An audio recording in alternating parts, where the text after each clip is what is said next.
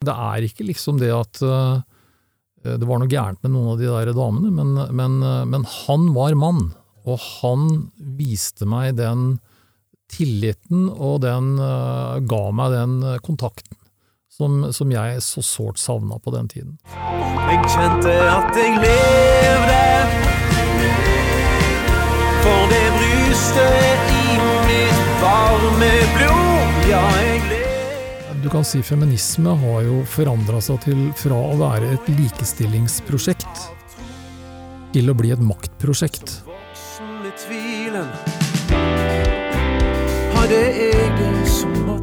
Eh, jeg tror så å si alle skoleskytere i USA mangler et forhold til far.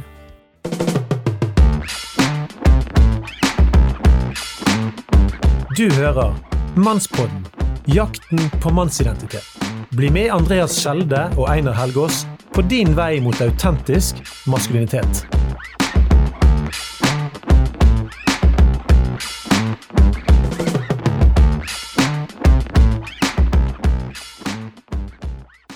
Velkommen til ny episode av Mannspodden, og ikke minst til deg som er ny lytter.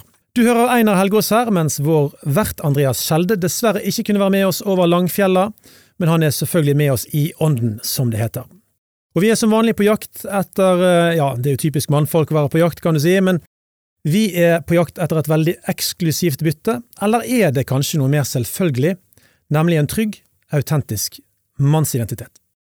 Men det som gjør at denne reisen i dag blir enda mer spennende og trygg, er at vi har storfint besøk i studio av selveste Dag Furuholmen, som er psykiater og mannsforkjemper. Velkommen, velkommen, Dag. Tusen takk skal du ha. Du skal få presentere deg litt mer etter hvert, men nå holder jeg en bok i hånden min som heter Mann, myter, løgn og sannhet, og den skrev du i dag sammen med amerikansk psykolog Ted Usatynsky i 2015. Og der står det følgende. Det er en stor gave å bli født inn i en mannlig kropp. Fra det første skriket etter mors melk til det siste åndedrag er hannmennesket et fantastisk uttrykk for selve livet. Vi er et uttrykk for intelligent liv, en levende, pustende kreasjon som er lidenskapelig, smart, eventyrlysten og modig. Dette står du for? Det står jeg 100% for. Ikke sant? Dette, dette, blir gøy. Dette skal vi gå det, med på. Det er det mange som har mista blikket for i dag, dessverre. Nettopp. Og derfor tror jeg det er viktig at vi tar disse tingene opp. Ja. Men du og jeg vi har hatt kontakt eh, siden forrige semester, og endelig fikk vi tid til å mm. treffes for å snakke om viktige ting i flere episoder, og målet vårt er å bidra med inspirasjon og utrustning av norske menn. Så får vi se hvor mange episoder det blir. Og I bunn og grunn så handler det om hvordan vi skal bygge samfunnet vårt på sunne måter, og ikke bare for mannen isolert sett, det kunne blitt en egotripp, men vi er særlig interessert i dynamikken mann-kvinne, som jo selvfølgelig er helt fundamental for ethvert samfunn. Vi er jo ikke skapt for sololiv. Men det materialet du har i bøkene dine, i Dag, det trigger meg så sterkt at jeg tror vi kunne snakket sammen i dager og netter. Men det er altså en ære for oss å ha deg i studio. Tusen takk for at jeg fikk komme. Det er veldig flott å kunne snakke om dette temaet. Ja, så bra. Dette blir veldig spennende. Nå skal du få lov til å presentere deg sjøl litt. Vær så god. Ja, hva skal jeg si. Jeg er spesialist i psykiatri. Jeg er uh, eh, 72 år gammel. Eh, jeg er still going strong og har liksom ikke tanket å pensjonere meg riktig ennå. Det blir, Nei. som jeg sa til deg, for kjedelig. det er rett og slett imponerende. Ja, så jeg syns det er veldig spennende å holde på med, med faget mitt. Jeg jobber uh, som privatpraktiserende spesialist, og det interessante der er jo at 80% av mine klienter er menn. Det tror jeg ikke det er mange som kan skilte med. Nei, men det er vel en grunn til at de søker deg? Det er vel det. De, vel, det er jo, altså For å være litt seriøs, så er det jo sånn at for det første så regner det vel med at jeg har et positivt syn på menn. Eh, det andre er at det er mange yngre menn der ute som fullstendig mangler en eh, mannsfigur å identifisere seg med. Så det er mange som bruker meg nok til det også. Finne ut liksom hva er det å være mann, og liksom nå er det kanskje på tide å slippe morsbindingen og, og, og liksom ta sjansen på å, å være mann. Ja, men eh, vil du si det sånn at eh, altså, er det mange fedre som ikke har gitt videre eh, en maskulinitet på en måte til sine sønner, som har gjort de trygg og at det kan bidra til at de søker andre. Ja, det er et veldig, veldig viktig poeng. Altså, det er en av de tingene som jeg, jeg fortalte deg at Warren Farrell, mannsbevegelsens far nærmest i USA, han var her for uh, halvannet år siden og holdt foredrag om boka si The Boy Crisis. Ja. Og han var også veldig opptatt av dette, og det er jeg også. Det, er, det handler jo om det at 40% av alle norske menn som har barn, de lever jo ikke sammen med barna sine fast.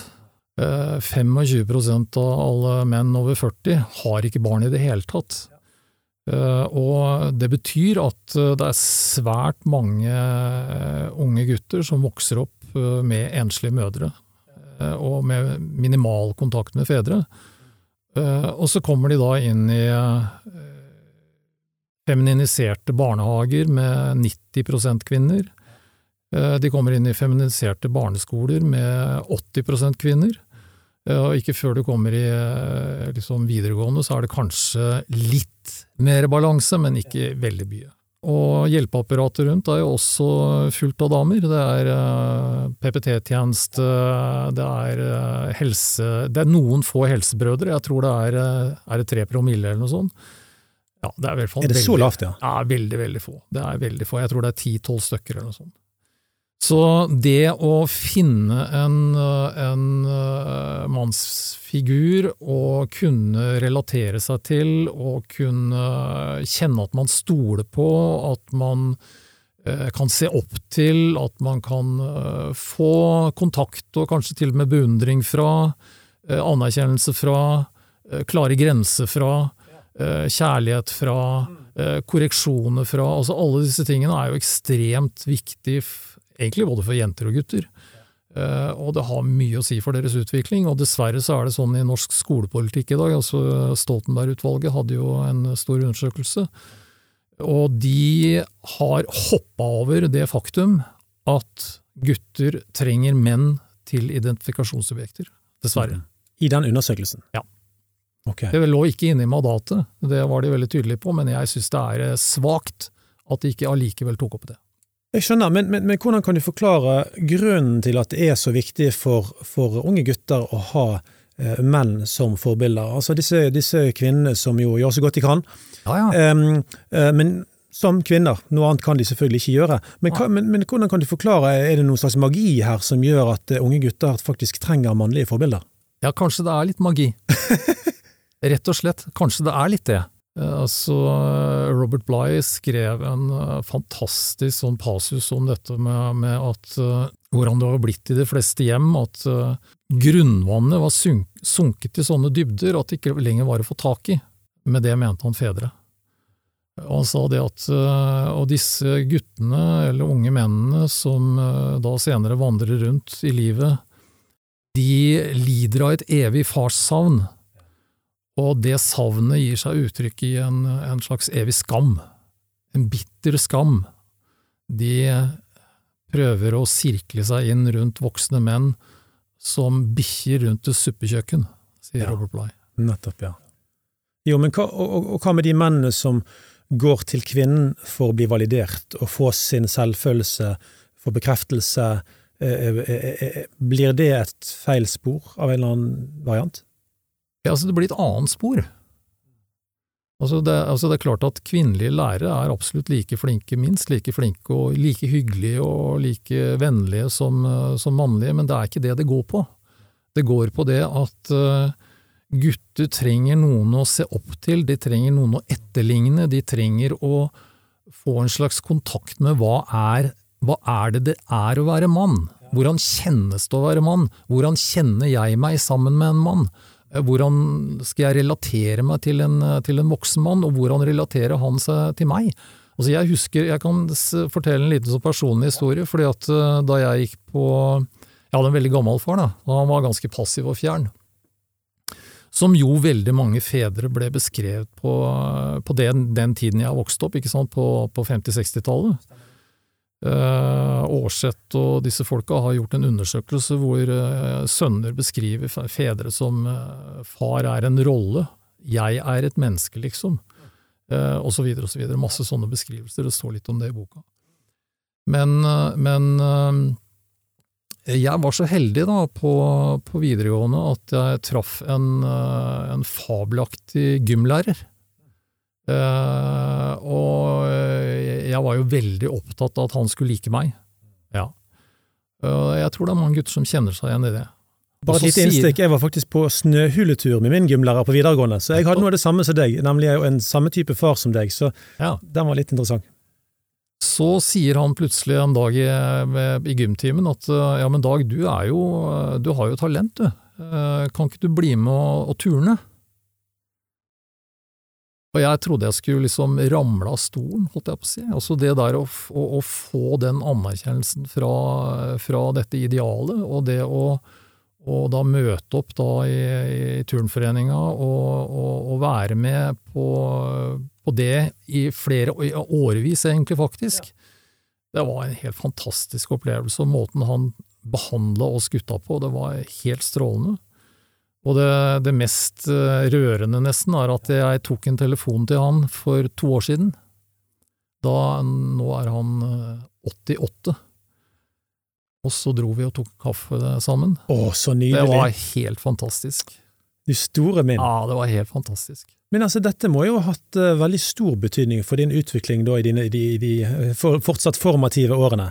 Nettopp, og det er det, det, er det, det, er det jeg mener. at liksom, Det er ikke liksom det at uh, det var noe gærent med noen av de der damene, men, men, uh, men, han var mann, og han viste meg den tilliten, og den ga meg den kontakten som, som jeg så sårt savna på den tiden. Ja, men er det litt sånn at hvis, når det blir mangelvare på menn, så oppstår det mangelsykdommer nærmest?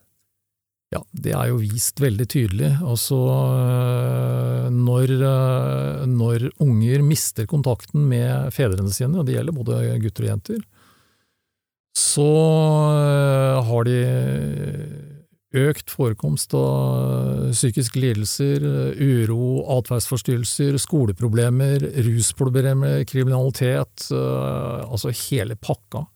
Jentene får eh, barn eh, lenge før de skal, kommer borti feil typer.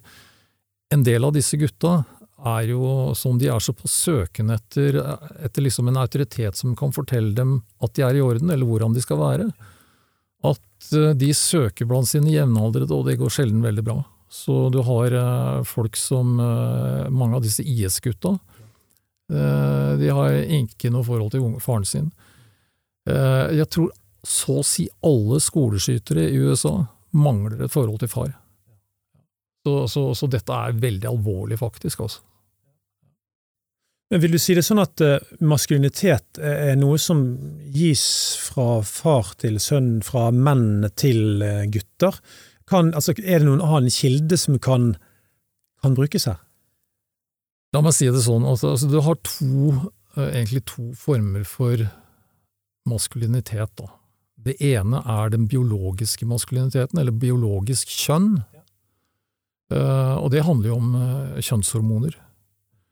Og det kanskje mange ikke vet, er at uh, fosteret i utgangspunkt er et jentefoster. Og så får fosteret Så begynner fosteret å produsere testosteron allerede i femte fosteruke. Og det er en, det er en kjempeutvikling i da guttefosteret fra femte til særlig femtende uke Eh, hvor eh, liksom eh, kjønnet deres vokser fram, og hvor det skjer en hel masse endringer med det barnet.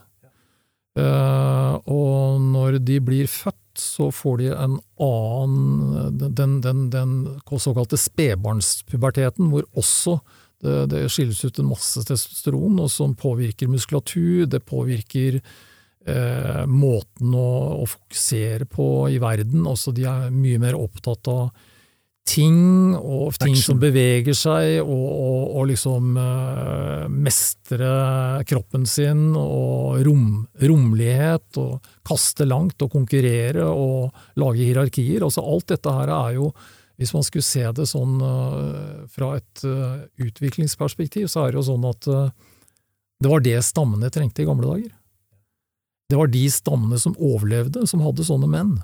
Fordi de ble krigere og jegere. Og nå har vi ikke noe behov for verken krigere eller jegere, stort sett. Dessverre. Så det er det ene siden av det, og den andre siden av det er jo det sosiale kjønnet. Gender, som de kaller det på engelsk, ikke sant. Der er det jo voldsomme diskusjoner. altså Norske kjønnsforskere er jo liksom strøket over hele det biologiske kjønnet og forholder seg bare til en slags tabla rasa. Som jo er fullstendig idioti. Altså at du fødes som en tom tavle, og så skrives det noen sosiale koder på etter Ja, hvert. helt riktig. Så det er jo helt, det er jo helt håpløst, ikke sant. Men, men, men det er også klart at eh, dette sosiale kjønnet er ikke noe som utvikler seg sånn uten å stå i relasjon med en stamme, en familie, en far, eh, en mor. Ja, sånn at eh, du vet I gamle dager så hadde de jo sånne overgangsriter, ikke sant. Ja, og, og da ble guttene tatt ut, robbet på en måte, ut fra mødrenes eh, domene sånn i begynnelsen av puberteten, Ja, typ 11-12-årsalderen. Og over da til, eh, til eh, mennenes domene. Og da måtte de gjennomgå en hel masse prøvelser, tåle smerte, tåle ensomhet, isolasjon, tåle sult, tåle alle mulige saker og ting, og så ble de lært opp i alle de hemmelige tingene om seksualitet og om om, liksom, hvordan skal man være, hva, hva består stammen av, hvordan skal man forsvare stammen. Ja. Så, så du kan si at eh, de skulle ommøblere eh, psyken sin fra en kvinnesyke til en mannesyke, og de, de tok dette på høyeste alvor. Eh, Det eneste vi har igjen nå, det er konfirmasjonen, som er en latterlig eh, greie som ikke handler om voksenhet og mannlighet i det hele tatt. Syns du det er for mye sentimentale taler? Jeg syns det er helt forferdelig. Å sitte der og så høre på onkel snakke om at nå er gutten blitt voksen, og så står det en fyr der på tynne bein og lite adamseple og kan så vidt stå på beina. Han vet jo at det er løgn, ikke sant. Ja, nei, jeg, jeg, jeg forstår hva du mener. Men, men mener du at eh, eh, For jeg eh, leste jo hin dagen i boka di at du mener at vi ikke skal finne opp overgangsriter på nytt, eller eventuelt plukke opp gammelt godt stoff fra Australia eller Afrika, eller hvor det måtte være, men, men vi- skal bruke kunnskap og, og eh, Altså, jeg har jo gjort ting med mine sønner som er overgangsritepreget. For eksempel så sendte de som 15-åring alene fra Rolland i Åsane på en åtte timers fjelltur med syv forskjellige poster. Eh, De hadde kart, de hadde ikke aldri gått der før. De skulle jobbe med temaer som mot, eh, tjenerskap, og, og, og, og reflektere over ting sjøl. Og de har respondert positivt på det. Hva tenker du om noe sånt i 2021? Jeg synes det høres helt fantastisk ut. Også, eh, hvordan, eh, hvordan hadde gutta det når de kom hjem? Du, De var strålende fornøyd. Nettopp. Han ene gutten min han er litt sånn pliktoppfyllende, så han hadde fulgt alle disse syv stasjonene og spist den maten som lå inni en pose som det sto et tall på, altså nummer én, Ja. sant, drikk litt vann. Mens han andre han eh, skulle jo egentlig lage noe sånn reinsdyrskavgryte, eller hva det var, men han, eh, han var om å gjøre og ville helst komme raskest mulig fram. Så han eh, valgte den varianten. Men de var strålende fornøyd. Eh, og jeg, altså jeg hadde jo pakka alt dette dagen før. Det lå bak i bilen med, dekket med noe, så de ikke skulle se hva det var. Eh, jeg tok det inn i bilen, og de hadde fått de klærne de skulle ha. Så kjører jeg av gårde og sier lite. Plasserer de på rollene i Åsane, og så gir jeg, gir jeg en sekken, så gir jeg en konvolutt, og så sier jeg lykke til. Og så kjørte jeg, og de så står han der og ser litt sånn forvirra ut, selvfølgelig. Men jeg har jobba med mine sønner fra de var små, Mm. på å gi de videre noe som handler om å være mann og, og, og, og vokse. Um, uh, og, så jeg visste jo at dette kom til å gå bra. Ja, men det er akkurat det. Du, du gir dem en utfordring som er akkurat passe. Og det er jo det en god far gjør. Man utfordrer sønnene sine, men på en god måte, en vennlig måte, eh, på en passe måte for dem. Og det kan være helt individuelt. Og sånn at det er klart at øh, harde, storforlangende fedre er absolutt ikke noe bra. Det er interessant fordi at øh, altså i boken til øh, Jørgen Lorentzen om, om farskap, så forteller han jo om hvor sentral far var øh, i familien på, på 1800-tallet. Og han sier også det at øh, harde, uforstående øh, fedre eh, ble ikke ansett vel. Ja, Også det samme som drikkfeldig, de ble sanksjonert. det var ikke bra. Ja. Og det var masse sånn litteratur rundt hvordan du skulle være en uh, følsom, vennlig, uh, god, uh, åndelig veileder. Til og med på 1800-tallet. Til og med på 1800-tallet. Et ganske religiøst samfunn også, som Norge var da. Ja, og jeg på å si, hvis du går til eh, Confucius, så er det akkurat det samme. Han sier jo liksom at eh, du skal eh, lede dine sønner med eksempel eh, og verdighet, eh, ikke med krav og kjeft. Liksom. Så, det er akkurat det samme. Men du vet det at når liksom husmorsamfunnet var på sitt høyeste, sånn på 60-tallet, 55% av alle kvinner var hjemmeværende, så ble jo alle fedrene sparka ut av hjemmet. Og, og de hadde ikke noe med familien egentlig å gjøre, bortsett fra som skaffedyr. Og, og det er vel noe av grunnen til at vi da i eh, Jeg er jo medlem av Mannsforum, ikke sant. Så, så eh, en av grunnene til at vi er så veldig opptatt av dette med farspermisjon, og at fedre skal ha kontakt eh, og begynne å oppnå tidlig kontakt også med sine små barn. Og man, ny forskning viser jo det at øh, øh, Altså tilknytning til, øh, til foreldrene, den skjer samtidig både til, til mor og til far, i den grad begge er til stede og tilgjengelig. Og det er svært viktig for barnet. Ja, Barnet er fleksibelt, og det er åpent. Det er ikke noe sånn eh, fordi mor har morsmelk, så skal vi bare snakke mor her. Det, det er ikke sånn. Er helt De er klar for relasjonen Ja. til begge sine foreldre. Du, er litt tilbake til eh, Dette var jo bare veldig gøy. Vi er jo i gang med mange ting allerede her i dag. Ja, Så du vi- bare stoppe meg, for jeg, kjeften min går som en kvern noen ganger.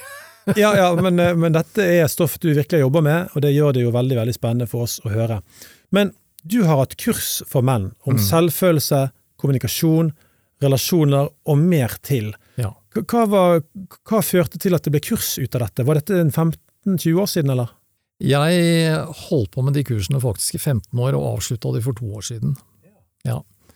Så øh, jeg har jo drevet veldig mye kurs. altså Jeg jobba med rusmisbrukere i gamle dager, på, hva var med å etablere noe som heter Veksthus i Oslo. Eh, Jeg har jobba med kurs for næringsliv, lederutvikling, teambuilding og den type ting i årevis. Jeg har drevet med såkalte psykologiske treningskurs. Så, for, begge, for begge kjønn, da. Så jeg har jobba veldig mye både med menn og kvinner. Men så jeg en sånn eh, inspirasjon til at nå var det på tide å kunne gjøre noe ordentlig for, for, for gutta. Og da eh, gikk jeg sammen med en, eh, en veldig god venn av meg som er meditasjonslærer, og, og som også har drevet sånn psykologiskole i, i, i Frankrike. Eh, Eirik Ballevann. Og, og vi lagde da det, denne kursserien eh, Menn som vil videre. Eh, og det holdt vi faktisk på med i 15 år, altså. Ja. Men hvorfor må de videre, disse mennene? Nei, altså det er jo fra å, å, å på en måte Og det er veldig interessant å se hvordan de ofte kommer inn i gruppa veldig tilknappa, veldig skeptiske, og, og, og så Vi har jo ofte noen med som har vært der før, ikke sant, og i løpet av no time så er det en, en, en ekstrem åpenhet og tillit i sånne grupper også. Og de gutta er jo så utrolig fine med hverandre. Så det er, det er strålende å se, altså. Så selv om mange kanskje ser på menn som litt sånn lite flinke til å finne sammen, når de i hvert fall først gjør det, så eh, kan man åpne seg og, og hjelpe hverandre videre. sant? Når de først er innstilt på det, og når de Og jeg tror også det er et eller annet med det der maskuline fellesskapet, hvor ikke det er en, eh, en eller annen kvinne som skal definere liksom Det er sånn du skal si det, og det er sånn du skal føle, og det er sånne behov du skal, og så videre.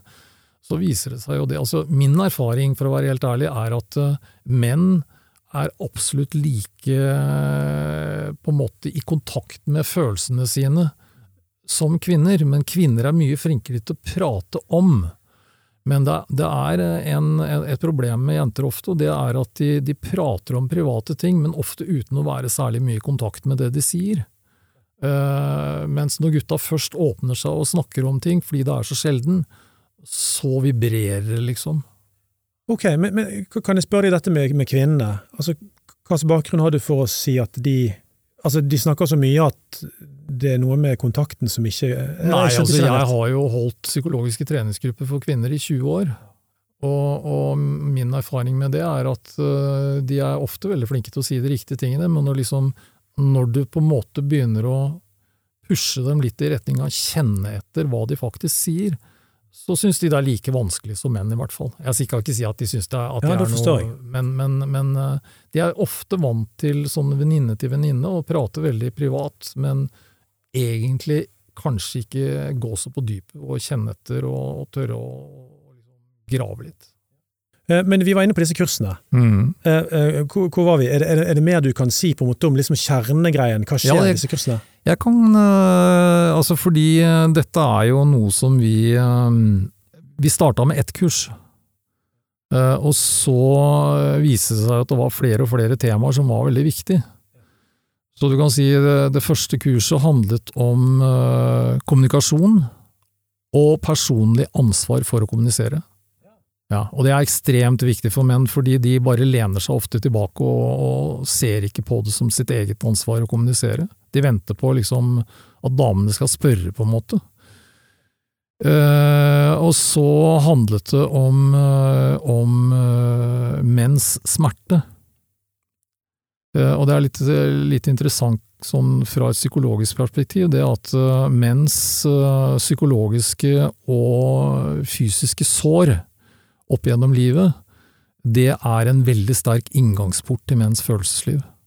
Ja. Så vi hadde noe som vi kalte en sårseremoni, hvor folk eh, da gikk fram og viste alle sine sår opp gjennom livet, og det var helt fantastisk. Ja, det må ha vært eh, Ja, veldig sterke helt strålende, altså.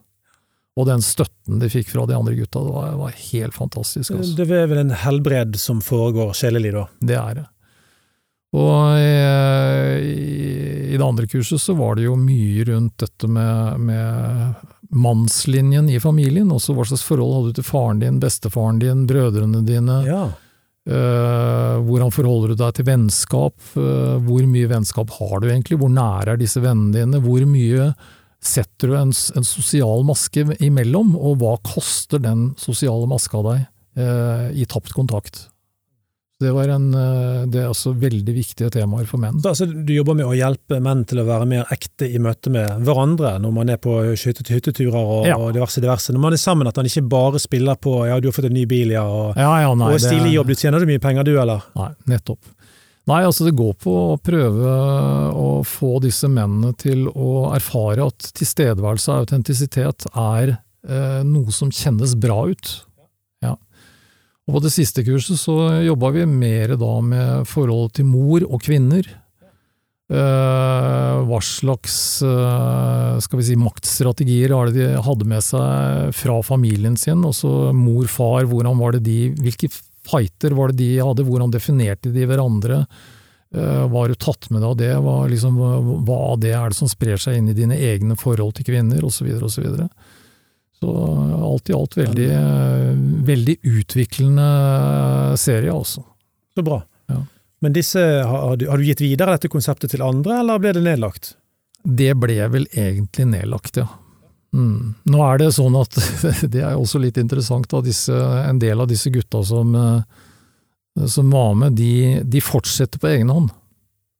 Ja, Det går flere sånne mannsgrupper rundt omkring i, i Norge som, eh, som på en måte er sprunget ut fra det arbeidet vi gjorde. Ja, for noen må jo ta opp arven. Ja, det er det, da. I går kveld hadde jeg 23 unge menn samlet i Bergen, og hadde en hel kveld der vi snakket om mot. Eh, Og folk kunne dele om hva som var lett, og, og hva som var vanskelig i forhold til mot. Og det er gøy å se når en er sammen som, eh, som menn og, og kan, kan eh, sette mot i hverandre. Ja. Det syns jeg er Mm. noe av det mest sentrale når menn samles. At vi, for livet, det er røffe greier. Ja. Men hvis ikke vi treffes, akkurat nå er det korona og styr, så det, vi får jo ikke treffes så mye, men, men vi trenger å treffes og, og rett og slett sette mot i hverandre. Mm.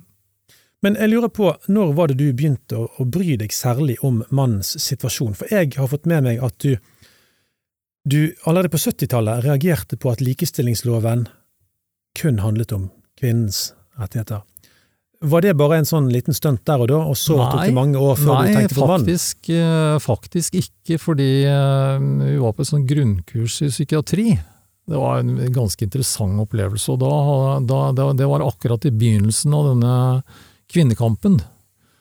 Og, da var plutselig alle jentene på dette psykiatrikullet, de var eh, blitt feminister alle sammen, Ja. på en gang. eh, og eh, jeg husker spesielt det at eh, jeg og noen andre karer vi hadde tatt et rom oppe i annen etasje, og når vi kom eh, tilbake etter lunsj, så lå alle våre vesker pælma rundt på gangen. Og så satt det fem damer der inne som skrek at det var deres rom. Ja. For de trengte det. Da tenkte jeg jøss, hva som skjer her egentlig? Så jeg fant meg nå et annet rom, men, eh, men så skulle vi så skulle vi da eh, bestemme foredrag for neste gang, og da foreslo jentene at de skulle se på eh, sammenhengen mellom kvinnens rolle og psykiatriske lidelser, og det syntes jeg var en veldig spennende vinkling, faktisk. Men så sa jeg det at eh, ja, det var veldig spennende, men, men jeg kunne godt tenke meg å se på sammenhengen mellom den mannlige rollen og psykiatriske lidelser. Altså det der å være skaffedyr og ikke ha kontakt med familien, og det å liksom forholde seg til kravene om hvor eh, tøff du skal være, eh, ikke være myk, ikke vise følelser, alle de tingene der, som var veldig typisk på den tiden der. Så, og det interessante da var at det var de fullstendig uinteressert i. Ja. De, de Alle begynte- sammen? alle disse damene begynte bare å le og sa at det Gjør det du, Dag, liksom. Ok, Og det gjorde jeg. du gjorde det, ja. Det gjorde jeg. Men, men hvordan har det, har det sett ut da, fra 70-tallet og framover? Altså, hva, hva har dette med mannens eh, stilling og, behov eh, Hva har du gjort eh, før du begynte med kurs etter hvert? Det er Ja, jo det- ganske det tok- nylig. Ja, det tok jo veldig lang tid før jeg følte meg eh, skal vi si, moden nok til å være en eh, god eh, rollemodell for andre menn. Det tok lang tid. Så det var ikke før jeg var eh, ja, det ble 55-57 eller noe i den stilen der. sånn.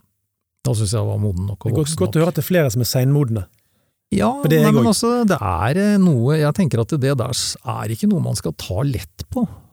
Og jeg eh, må jo si at eh, jeg har jo vært borti noen sånne mannekurs eh, med noen jyplinger, og det, det syns jeg er tragisk. Jeg syns ikke det er ok, altså. Nei, men du spør hvor, eh, hva skjedde?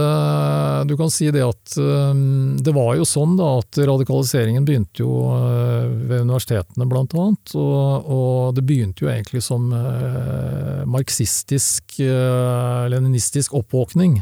Det var ML-bevegelsen og, og SUF. Eh, og utgangspunktet var jo egentlig at de var mot kapitalen, men, uh, men det fikk ikke så mye gehør for, så da ble det patriarkatet isteden, og det fikk jo et voldsomt gehør. Og det Jeg jobba jo etter hvert så Altså fra 76 begynte jeg å jobbe på psykiatrisk poliklinikk i, i Oslo. Og da var det jo sånn at uh, da var mye av denne kjønnskampen Den var gått fra å være en politisk kamp til å bli en kamp i hjemmene. Altså den ble veldig okay. privatisert. Så, så liksom eh, hver enkelt kvinne skulle realisere seg selv, og de skulle liksom eh, De orka ikke denne jævla familien og mannen og alle kravene hans, og at han ikke gjorde noe, og eh, de skulle frigjøre seg. Og for noen så var det jo sikkert veldig ok, men, men for enkelte unger og for enkelte familier så, så gikk jo de fullstendig oppløsning. oppløsning. Jeg prøver prøver å si at mange kvinner rett og slett bare forlot familien? Altså, En del gjorde det. en, jeg, sier ikke, jeg sier ikke veldig mange. Altså, vi så jo bare de ekstreme eksemplene, men, Ja, men, men det var en del som, som gjorde det. Og jeg vil nok si at jeg også har hatt klienter etterpå som har levd med en slags senvirkninger etter eh, voldsomt radikaliserte mødre, hvor far blir sparka ut og de blir aleine med, med sønnen, for eksempel. Så, men, men det var særlig akkurat dette med privatisering av politikken som var typisk på den tiden. Og det var morsomt, en, en engelsk filosof da, som, som øh, snakket om øh, um, antisexism groups for men. Ok, ja, det hadde de da i Det må du forklare litt. Janne. Ja, altså de, de skulle ha, for å etterkomme kvinnenes øh, oppvåkning, så skulle de også øh, da sørge for at mennene øh, gjorde en tilsvarende utvikling. Men du vet at det eneste de kunne bli enige om, det var at de selv var autoritære undertrykkere. Eh, og det måtte de slutte med, så du kan si det, de hadde bare en voldsomt negativ identifikasjon, så det ble aldri noe særlig bevegelse i de der gruppene der, for hvem var det som ville gå på sånne kurs? Ja, nei, det, det var vel et litt negativt eh, fortegn der, ja. Nokså negativt. Nei, så er det jo sånn at øh, patriarkatet ble jo etter hvert det store skjellsordet. Det Og det må du forklare. Ja, og det, Hva er det? Patriarkatet er jo opprinnelig eh, en maktstruktur i samfunnet, og den, den er jo reell. Altså, vi har jo hatt uh, menn som har sittet på toppen av nesten alle maktpyramider i, i samfunnet. I. Religiøse, uh, økonomiske, uh, eiendom, politikk, hele pakka, ikke sant. Og, og, og, og sånn er det jo mange steder i verden ennå. Så du kan si kvinne, kvinnekampen er høyst relevant mange steder, vil jeg bare si.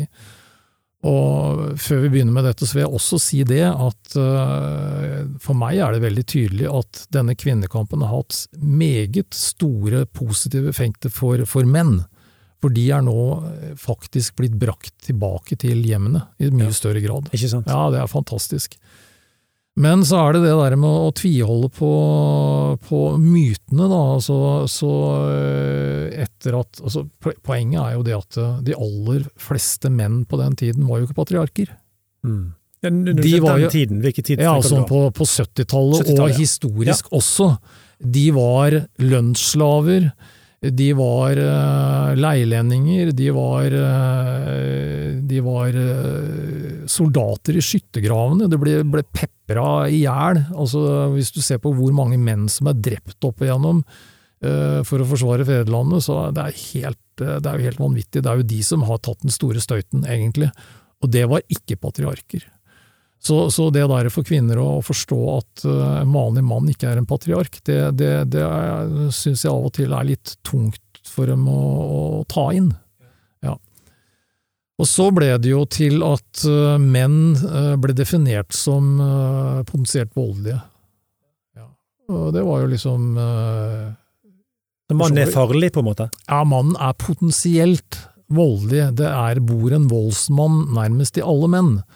Og du vet, Da begynner det også å bli ganske sært, fordi eh, hvis man ser på prosentmessig andel av menn som, eh, som banker opp damene sine, så Er det 5 du snakker om? Nei, jeg tror det er sånn ca. 5% Og så er det jo det også at eh, i denne polariseringen så var det slik at eh, kvinnene ble definert som de gode og myke og varme, og mannen ble definert som den kyniske, kalde, eh, voldelige. Mens hvis vi ser på, det, ser på liksom eh, forskningen på det, så er det jo sånn at kvinner er like hyppig utøvere av vold som menn, men ikke så sterk vold. Nei. Men det er jo et Eh, sensasjonelt tall, det. ja, det, men dette er velkjent. Altså, det er, eh, Ikke for de det er så klart at grov vold er mye verre, og det er det flere menn som utøver. Men, men eh, lettere vold, kloring, sparking, eh, eh, ørefiker, dytting, kaste kasteting og sånn, det, det er akkurat like mange damer som gjør. Og det interessante er jo det at det var gjort en stor undersøkelse i Norge på vold mot barn. Og det viser seg at kvinner er hyppigere voldelige mot barn enn det menn er. Ja. Og det, og også grov vold, faktisk. Riktig. Men Ja. dette stemmer jo ikke med det narrativet som vi har eh, Nei, rundt oss i Utdannings-Norge og Nei, men det er fordi narrativet er polarisert. Altså det, det, det, det, det er, man vil ikke, helst ikke tro på det, og det er også interessant i forhold til seksuelle overgrep. Fordi 20 av alle seksuelle overgrep blir begått av kvinner. Og det er det jo heller ingen som vil vite av. Og det er vel lite denne- framme i media. Ja, denne forskeren som Nå husker jeg ikke farten hva hun heter, men, eh, men eh, kriminolog som, eh, som skrev om dette blant annet i, i A-magasinet. Og hun sa det at folk vil ikke vite av det. De klarer ikke å forestille seg at mor kan være overgriper, og jeg har hatt faktisk flere klienter der mor har vært overgriper. Ja, Menn som har opplevd mor som overgriper. Menn som har opplevd mor som overgriper. Ja. Mm. 30% av alle overgrep mot menn begås av kvinner. Og så er det tabu for menn å rapportere slikt inn, vel? Ja, det er helt tabu. Sånn at Og- også mørketallene her Også vold er jo tabu å, å, å, å referere Hvilken mann vil fortelle om at en kvinne har begått vold mot han? Er ikke litt sånn? Ja, de, de føler seg det er krenket stolthet. Ja. eh, og så er det jo også det at eh, liksom, hvis en kvinne er voldelig i en familie, så er jo mannen ofte da redd for at hvis de liksom For det første, hvis de melder det, så skjer det en omsnuing da, av beskrivelsen. Eh, dette er det forska på. De kaller det omsnuing. Sånn at eh, den nye sannheten blir at det er mannen som er voldelig. Ja. Så han risikerer da å få alle beskyldningene bare sånn slengt i retur, og da tror selvfølgelig barnevernet og andre på det. I, i ganske stor grad. Så det er grad. ganske lett for en kvinne å vri seg unna hvis hun er manipulativ. Ja, veldig, veldig lett. Og dette er jo ofte også kvinner med personlighetsforstyrrelser og andre, andre typer forstyrrelser som er ekstremt manipulerende. Ja, det er veldig veldig krevende situasjoner å havne i, for Ja. du, du, har ikke, du har ikke medvind i seilene som mann i de situasjonene der. Nei, det har du ikke. Og dessuten så er det jo sånn at eh, bekymringsmeldinger fra menn i, til barnevernet, det er også vist til forskning, de blir oversett i ganske stor grad. Fordi eh, selv om de teoretisk sett eh, mener at det er likestilling, så har de et eh, kjønnsessensialistisk eh, bilde. Det vil si at de tror at mor eh, vet og gjør barnets beste bestandig. Så far er liksom en sånn, litt sånn klamp om foten som de helst vil sjalte ut ofte. Mens forskningen som du viser til nå, statistikker, viser Mm. at eh, Det er en dame som heter uh, Skårstad Storhaug, Anita Skårstad Storhaug, som har gjort en eh, flott doktorgrad på dette på NTNU i Trondheim. Og der, er, er det, står det meget, meget klart. Du, eh, i forhold til Mannsforum, eh, først vil jeg si at eh, jeg tror jo du kanskje er landets fremste talsmann for menn, og jeg tror det er derfor det er en kø av menn som vil eh, snakke med deg. Eh, I tillegg så eh, forstår det sånn at du leder fagarbeidet i dette Mannsforum. Ja, jeg leder Er det eh, Ja, fagarbeidet. Altså, vi, vi har en egen eh, forskningsavdeling, eller, eh, eller gruppe, som, eh, som ser på og prøver å lese oss opp på fakta og, og dele fakta med, med, med de andre. Ja. Mm. Eh, Jobber dere aktivt i media ut fra det som dere finner? Ja, noen ganger så gjør vi det. Altså, jeg har jo eh, nylig hatt en del, eh, en del eh, artikler med, med en gammel professor som heter Eivind Mæland, eh, som også er forsker. Det er ikke jeg. Jeg er ikke forsker, men han er forsker og er veldig proff på dette her. Og, vi, vi har, og jeg har også skrevet en hel masse andre ting i media. Men, men eh, Mannsforum sin rolle, altså nå har jo du beskrevet en god del av, av, av bildet. Altså, sant, av, av, eh, Mannsforum sin, Jeg må kanskje ta med den siste delen av bildet før vi går over i Det Mannsforum. Fordi, fordi eh, etter liksom eh, alle disse Du vet at det kom en, På 90-tallet så kom det en ny gruppe med kvinner som vel ikke var så interessert i å fremstille seg selv som offer. Tror jeg. Ja, hvem var det? Jeg tror de var litt lei av kanskje den rollen som mødrene hadde holdt seg så fast i, sånn at uh, da snudde på en måte hele beskrivelsen av mannen seg til å bli en stakkarslig, umoden, ukommuniserende uh, tullebukk som var usikker på rollen sin, uh, som ikke hadde draget på damene, som ikke visste hvordan han skulle oppføre seg, som ikke hadde jobb, som ikke hadde skole, osv., osv. osv. Mannebarnet? Mannebarnet, ja. Den umodne liksom, tosken som eh, gjerne trakk seg tilbake på, på gutterommet hos mamma. Eh, Det er klart at eh, for noen så er jo det dessverre sant, at de, de gjør det. De blir så skuffa, eller de, de klarer ikke å, å forholde seg på en god måte. De klarer ikke å mestre skolen på en god måte osv. Det er jo veldig, veldig mange flere menn som er skoletapere.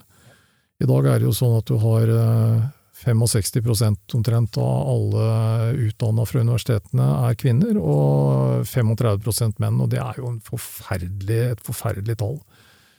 Men eh, nok om det, altså i hvert fall disse gutta, de, eh, de eh, Man finner jo deres, skal vi si, tilsvarende speil da, hos kvinner. Det er like mange umodne kvinner eh, som, eh, som konkurrerer på sexmarkedet, gjør dumme Er det det, altså? ja, gjør dumme ting, eh, er misfornøyd med kroppen sin, eh, utrygge på, på, på eh, liksom eh, femininiteten sin, eh, eh, misfornøyd med utseendet sitt, eh, eh, har hobby eh, shopping som hovedhobby. altså Det er masse, masse, masse sånne umodne trekk, også hos kvinner. Og for meg som er psykiater og har jobba med begge kjønn, så jeg kan ikke si jeg ser så veldig stor forskjell på det. Altså. Det er mange umodne kvinner og mange umodne menn, og det må for så vidt være greit. Ja, det er ikke noe gærent med altså, Folk trenger forskjellig tid på å modnes, så de har hatt forskjellige bakgrunner og, og, oppvekster som kanskje har gjort det vanskelig for dem å bli modne også. Ja. Jeg har lyst til å si én ting som jeg satt og tenkte på før jeg skulle møte deg, og det var det at det er én bit av dette her eh, Nå har jeg sagt litt om liksom eh, det negative synet da, på mannekjønnet, og, det er jo blitt kanskje enda mer satt på spissen eh, ved kjønnsforskning og andre ting nå. Og du har jo en, en, en australsk postmodernist og transperson som har skrevet uh, om dette. Og han har, uh, han har definert uh, et hierarki av menn. Hvor han, hvor han, setter det øverste er det hegemoniske seksualiteten, og det er en, den hvite alfahannen. Ja. Og så kommer alle de andre under der. Riktig. Skjønner du? Ja. Uh, og en av hans kolleger har da gått videre på dette her og, og, og forsket på amerikanske tunge kriminelle i fengslene. Og så har han kommet opp med et uttrykk som han kaller for toksisk maskulinitet. Du har sikkert hørt om det? Ja. Giftig maskulinitet. Og giftig maskulinitet. Og giftig maskulinitet er egentlig eh, en beskrivelse av eh, tunge amerikanske kriminelle med personlighetsforstyrrelse, rusproblematikk og, og, andre ting, som sitter på timannsrom og kjemper for livet for å få øverste køya. Og de gjør hva som helst for å overleve og for å dominere hverandre. Det er toksisk maskulinitet. Og så tar man det der greiene og prøver å tre nedover huet på den vanlige mannen for å se om ikke kanskje du også er litt toksisk maskulin, liksom. Det er jo forferdelig, altså. Det har blitt et generelt begrep fra å være et spesielt Det er helt riktig. Man, dette er, dette er en, en, type eh, mem som, som, er veldig lett å spre, fordi den, den forklarer ting på en fantastisk sjarmerende, enkel måte, ikke sant. Ja, det er, mennene er jo toksisk maskuline, mange av de, så det er ikke noe rart det går galt, ikke sant. Så denne kollektive forståelsen av det maskuline og av mannen, det er det store problemet. Det er nesten ingen som tar tak i. Det er hvordan pressen beskriver mannen, hvordan media beskriver mannen, hvordan fedre blir beskrevet som idioter, hvordan osv., osv., osv. Alle disse tingene, summa summarum, det kollektive bildet av hva menn og maskulinitet er, og hvor farlig nesten testosteron er, det slukes dessverre av gutters syke. Men er det på grunn av eh, dette patriarkatet, altså menns makt opp gjennom historien, ja, har skapt et grobunn for at dette narrativet kunne bre seg så vidt som du nå beskriver? Det er jo eh, Du kan si feminisme har jo forandra seg til fra å være et likestillingsprosjekt til å bli et maktprosjekt. Ja. Uh, og, Men ikke for alle? Nei, det er jo særlig for uh, liksom oppegående, velutdanna, økonomisk bedrestilte kvinner, så, så er dette et, et maktprosjekt som er svært viktig. Og du kan jo se på norske politiske partier, alle har jo sin egen eh, kvinnetalskvinne. Politiske talskvinne. De har sitt eget kvinnenettverk. De sitt, det vil si, kvinner i eh, norske politiske partier har dobbeltstemmer. Ja, i realiteten, eller i Nei, altså fordi ingen menn er så dumme at de ikke tar hensyn til kvinnegruppas meninger. Hallo? Nettopp. Og da er kvinnens makt uh, stor, i alle kvinnens disse korridorene der. Kvinnens makt er stor, og det, det er jo også en sånn, sånn, merkelig konstruksjon at kvinner ikke har makt. Men altså hvis du ser på offentlig forvaltning, så er det 70% kvinner. I ledelse? I ledelse så er det noe mindre, men det er eh, flere kvinner enn menn i, i ledelse i offentlig forvaltning. Nettopp.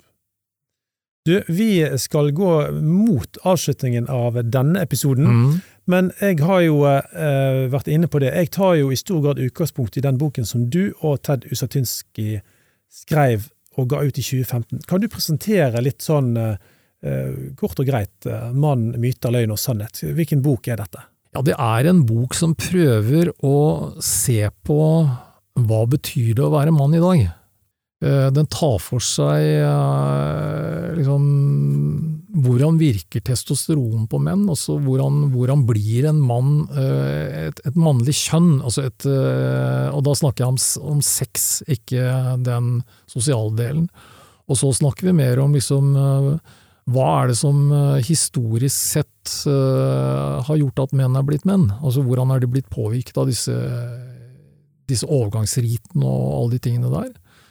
Eh, Så snakker jeg om, eh, om eh, hvordan Nettopp det som vi har snakket om nå, har jeg jo viet en, en god del til. Så går jeg mer over i, i å snakke om mannlig psykologi, for den saks skyld. Det er jo veldig mye av dette som gjelder kvinner også. Vi er mennesker og har veldig lik psykologi, men, men det er noe me- mer overlapping enn ikke-overlapping? ja, det er mye mer overlapping. Det er, som, eh, det er jo som to Du kan si hvis du legger to sånne Du kjenner Gauss-kurven, altså normalitetskurven. Hvis du legger to sånne kurver oppå hverandre, så får du bare en liten forskyvning. Det fins aggressive, eh, kraftfulle, eh, rasende kvinner, og det fins aggressive, rasende menn. Og det finnes tilbaketrukne, passive, engstelige menn og eh, tilbaketrukne, eh, passive, engstelige kvinner. Eh, Men på grunn av den, særlig kanskje testosteron og sånn, så, så vil mannegruppa ligge litt mer i ytterkant egentlig på begge Ja. sider. Jordan Peterson så en video av han på disse tingene, og han sier at det, også, det er veldig mye overlapping, men med en gang du går på de ekstreme, altså Ja. de som er ekstreme innenfor noe som helst felt, da vil kjønnsforskjellene bli veldig sterke. Ja. Nei, så snakker jeg om øh, det jeg kaller for psykologisk litenhet. Og det er et veldig, veldig viktig greie. Fordi, Det skal vi ta en av de neste ja, episodene. fordi det er sånn at øh, menn som er redd for å føle seg små, de kompenserer noe voldsomt. Og det, det er en sykdom som Jeg må si det at øh, både for menn og kvinner, og, og i dette samfunnet som vi er i nå, som er så liksom uh, prega av krav og, og perfeksjonisme, så, så er dette en, det er en folkesykdom. Så jeg jobber alltid med det med folk når jeg har dem i terapi. Eh, så snakker vi om selvhevdelse og styrke, og så snakker vi om eh, menn, kvinner og mor, som jeg fortalte litt om i sted. ikke sant? Og så snakker vi om på leting etter far, også farslinjen i familien. Så snakker vi om vennskap og vennskapsferdigheter. Uh, snakker mye om personlig ansvar her. Veldig mye om personlig ansvar. Altså, du nevnte Jordan Peterson. Han sier liksom eh, Kom deg ut av senga, rydd rommet ditt, gre håret ditt, puss tenna. Han sier jo nesten at en mann uten, som ikke tar ansvar, er ikke noen mann. Men altså, evne til ansvar skrev jeg en gang for mange år siden. Jeg skrev en bok om, eh, om eh, miljøterapi. Evne til ansvar gir deg evne til frihet. Ja. Og det, det er fremdeles veldig gyldig, så jeg, der er jeg helt enig med En nydelig kobling. Disiplin, ta ansvar, opprettholde motivasjon er en del. Og ja, så snakker jeg om uh, sex og intimitet. Selvfølgelig. Ja. Det er en bok mann. Hvor han anerkjenner sin øh, seksuelle identitet øh, fra å knulle til å elske. Øh, intimitet, hvor viktig det er for menn. Og det å finne sin plass som voksen. Makt, arbeidsliv, å verdsette farskap. En veldig viktig del av det. Og så litt om modenhet og alder, og til slutt litt om død. Mm. Det er helt nydelig. Nei, altså, det, det, jeg, jeg trenger nesten ikke si mer etter at du har gått gjennom det på en måte. Dette er jo superrelevant stoff for enhver mann. Rett og slett. Det er ikke bare for unge menn, det er ikke bare for gamle menn. Det er for alle menn. Men så har du skrevet én bok til, som du sendte meg i posten. Takk for det. Den har jeg ikke fått tid til å lese ennå, men Nei. våg mer. Mm. den uh, har en litt annen regning, vel? Det handler om psykologisk trening. Og det handler også ekstremt mye om personlig ansvar. Ansvaret for å kommunisere, ansvaret for å gjøre seg synlig i verden, ansvaret for å delta i verden, ansvaret for å uh, slutte å la seg styre av egne negative tanker, uh, og ta noen sjanser, uh, være modig. Så passive ja. menn som leser din litteratur, vil legge seg litt mer frampå? hvis de blir inspirert? Forhåpentligvis, ja. Forhåpentligvis. Ja, forhåpentligvis. Og så vil det kunne gi mange forskjellige gode frukter. Ja. Det å ta sjanser er jo kanskje litt skummelt, men det er jo naturlig å ta sjanser, er ikke det? Altså, livet inviterer oss jo. Ja, i den grad man ikke på en måte er blitt uh, nummen eller kastrert eller, eller, blitt tvunget inn i en type fryssituasjon i oppveksten, så, så, vil det helt åpenbart være naturlig. Er litt skummelt, selvfølgelig. Uh, man kan jo Man må jo ta en sjanse på å bli avvist. Det er noe vi alle er redde for, men det er veldig, veldig viktig å gjøre. Det var en gang en mann som het eh, Harry, som var veldig glad i å bygge båter. Ja. Så han bygde båter i hagen sin, og til slutt så var hagen full av båter. Ja. Eh, og da var det noen som spurte han, ja, men eh, Harry, du har ikke tenkt å sjøsette de? Men Harry gjorde ikke det, for han var redd for havet. Mm. Så havet er jo vakkert og inviterer oss, men det er skummelt. Ja. Så da blir spørsmålet har du motet til å gå inn i hva det måtte være, om det er relasjoner eller et krevende jobbliv, og tenke at jeg kan faktisk klare dette, og skulle jeg gå på en smell, så kan jeg reise meg. Mm. Ja. Du, dette er knallbra litteratur. Løp og kjøp, folkens. Eh, jeg tror mange hjelper som kan få inspirasjon til livet sitt, hjelp til ulike ting. Og så tror jeg òg at de som jobber med menn, uansett kjønn, innen utdanning, helsevesen, vil få avgjørende kunnskap her, for å kunne behandle og omgås med menn med en skikkelig god, relevant kunnskap i bunn. Du, jeg har et helt siste spørsmål eh, før jeg går mot avrunding, og det er hva vil du si kan være noe av mannens særlig gode bidrag til verden? gjennom å være en god versjon av hannkjønnet? Ja, jeg tenker at uh, Et veldig godt spørsmål, fordi at uh, da jeg vokste opp, så var det jo sånn at uh, det var etterkrigstiden. Da hadde vi landsbyggerne, ikke sant? De hadde vist mot under krigen. De hadde kjempet mot overmakten. De hadde ofra seg for, for landet sitt, for familien sin, for vennene sine. Eh, de hadde eh, vist ansvar. Eh, de hadde liksom gått på på tross av liksom skrinne forhold etter krigen. ikke sant? Det der å bygge opp land igjen, bygge opp Finnmark som var brent. Noen av de bodde i huler, ikke sant. Og hele den der greia der, den der funksjonen som menn har av å gå over neste topp for å finne mat. Det var jo liksom kriger og, og, og jegere opprinnelig. Så det der å, å, liksom tåle mye, det å, å liksom vise heltemot, på en måte, det, det, tror jeg er noe som er veldig Dessverre veldig nedtonet. Eh, det er også litt farlig, da, fordi at eh, heltemot, vet du, det er eh, lett å la seg manipulere. Mm. Ja. Hvordan det? Nei, altså Du må ofre deg for landet ditt. Du må reise til Vietnam, eller du må reise til Dunkerque. Uh, halvparten kom igjen skutt i filler, ikke sant, og de gutta som kom hjem fra Vietnam, tror du de fikk noe ære etter at de kom hjem? Tvert imot, de ble sett på som drittsekker som hadde prøvd å drepe disse stakkars vietnameserne. Så så, så, du kan si at uh, dette er en av Warren Farrells uh, liksom, uh, oppheng, og det er det med mangel på empati for menn. Ja. Og det, det, er faktisk ganske viktig. Altså, jeg kan ta et lite eksempel. Boko Harum har du sikkert hørt om, ikke sant? De bortførte 300 jenter. Det var et ramaskrik over hele verden. I månedene før så hadde de drept over 1000 menn og gutter i de samme områdene. Har du hørt om det? Nei, det har jeg da kanskje naturlig nok ikke hørt, ifra, hørt om ut fra det som du tenker å si nå. Nei. Altså, det ble det ikke omtalt i media som Nei, det var ikke interessant. Det var ikke interessant. Og det der med empathy gap, da, altså mangel på empati for menn, eh, det syns jeg også vi ser her i Norge.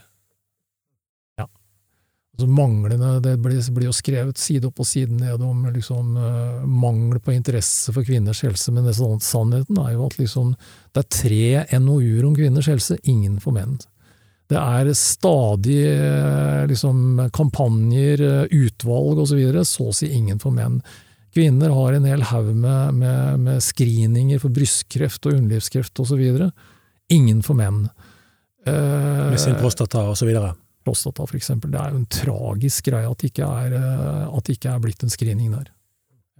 Nei, så, så, så, kort sagt, eh, jeg tenker at vi har et, en, en eh, del av strima huden her også.